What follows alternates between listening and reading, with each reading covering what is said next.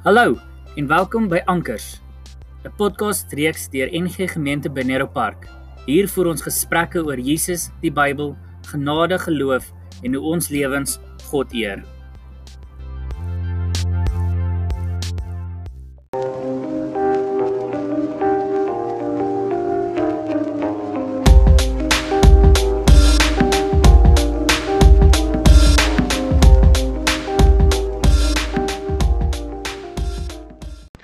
Goeiemôre.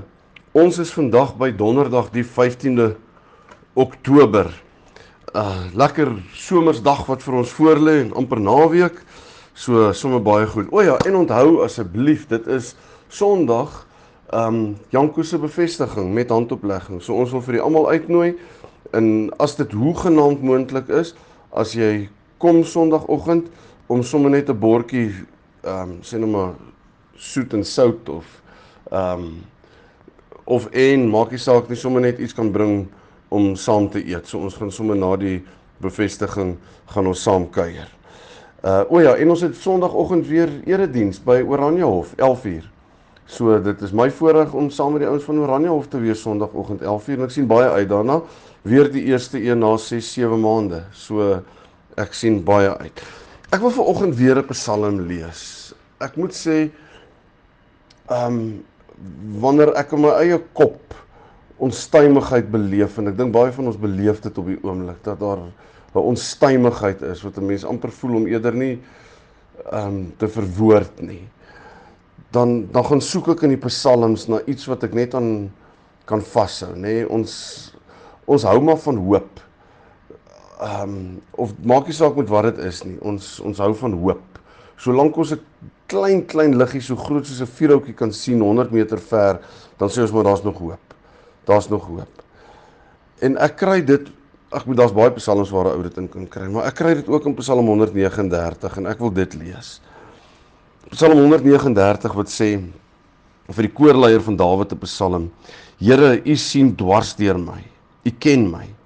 Of ek sit en of ek opstaan, U weet dit. U ken my gedagtes nog voordat hulle by my opkom. Of ek reis en of ek oorbly, U bepaal dit. U is met al my paaie goed bekend. Daar is nog nie 'n woord op my tong nie of U Here weet wat dit gaan wees. U omsluit my van alle kante. U neem my in besit. Die wete oorweldig my. Dit is te hoog vir my begrip. Waarheen sou ek gaan om die gees te ontvlug? Waarheen sou ek vlug om aan U teenwoordigheid te ontkom? Klim ek op na die hemel is U daar, gaan lê ek in die doderyk is U ook daar. Vlieg ek na die ooste of gaan woon ek in die verre weste? Ook daar lê u hand my. Hou u regterhand my vas. Ek sou die duisternis kon vra om my weg te steek of die lig rondom my om 'n nag te verander. Maar vir u is selfs die duisternis nie donker nie en die nag so lig soos die dag. Duisternis so goed soos lig. U het my gevorm, my in mekaar gewewe in die skoot van my moeder. Ek wil u loof want u het my op 'n wonderbaarlike wyse geskep. Wat u gedoen het, vervul my met verwondering.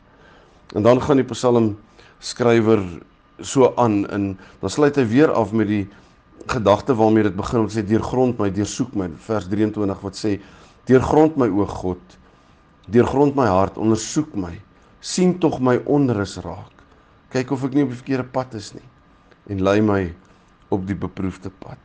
Hierdie psalm sê vir my 'n paar goeters maar die een belangrike ding wat ek hierin raak sien is dat God weet van my Ehm um, of ek sit en of ek opstaan, u weet dit. U is met al my paaie goed bekend, sê vers 3. U omsluit my van alle kante, u neem my in besit, vers 5. Die wete oorweldig my, dit is te hoog vir my begrip. En dan vers 7 wat sê waarheen sou ek gaan om die gees te ontvlug? Waarheen sou ek vlug om aan u teenwoordigheid te ontkom? En dan sê die psalmskrywer net 'n entjie later, eintlik sê hy ek kan nie ek kan nooit van God se teenwoordigheid ontvlug nie. En julle sal onthou so 2, 3 jaar terug se Pinkster, ek kan nie eens onthou met watter een nie, toe ek net by die gedagte uitgekom om te sê ek kan nie God se teenwoordigheid ontvlug nie want ek leef in sy bubbel. Oral waar ek is is God. So um ons ken nie 'n wêreld sonder God nie. Selfs ongelowiges leef in God se bubbel omdat God alomteenwoordig is. Ons leef in God se teenwoordigheid. Ons is altyd naby hom. Hy's altyd by ons. Die psalmskrywers wil sê of ek nou opgaan na die hoogste hoogtes of die diepste dieptes of waar ook al, ek kan nie u teenwoordigheid ontvlug nie. Want dis u teenwoordigheid, dis u bubbel, dis waar u in leef. Dan dink ek byvoorbeeld aan die son. Ek meen as jy nou kyk die son wat nou buite skyn. Daar's geen manier wat ek aan die teenwoordigheid van die son kan ontvlug nie. As ek nou buite sou staan, ek kan nie wegkruip vir dit of iets van die aard. Die enigste wat ek dit sou kon doen is om in 'n vertrek in te gaan waar daar nie vensters is nie en die deur toe te maak. Maar tog weet ek die son het nie ophou skyn net omdat ek dit doen nie. Die son is nog steeds daar. Is altyd daar. So dis amper 'n illusie om te sê ek vlug weg. Net so kan ons nie wegvlug van God nie en dat hy ons soos Jona agterna sit, soos hy vir Jona in 'n storm agterna gesit het. So sit hy ons agterna omdat hy vir ons omgee, omdat hy vir ons liefhet. So kom ons onthou dit ook vandag wanneer ons onstuimig is in ons gemoed.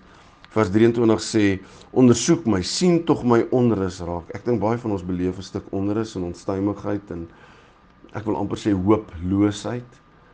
Maar dat ons sal onthou dat God is by ons, ons is nie alleen nie. Kom ons sê dankie daarvoor. Hemelse Vader, ver oggend het ons net die wete dat ons nie kan ontvlug van u teenwoordigheid nie. Of dit nou met ons goed gaan en of dit nou minder goed gaan, u is altyd by ons. En die feit van u teenwoordigheid beteken nie ons omstandighede gaan eensklaps verander nie. Ons sien dit nie in die Bybel nie. Maar u teenwoordigheid is altyd vir ons 'n troos om te weet ek is nie alleen nie. Ek wil amper sê soos 'n klein kind wat hartseer is en weet sy of haar ouers is in hulle teenwoordigheid en dat dit 'n troos bring en so weet ons dit vandag Here. Dankie vir u teenwoordigheid in elkeen van ons se lewens. Amen. Dankie, lekker dag verder. Ons gesels môre oggend weer.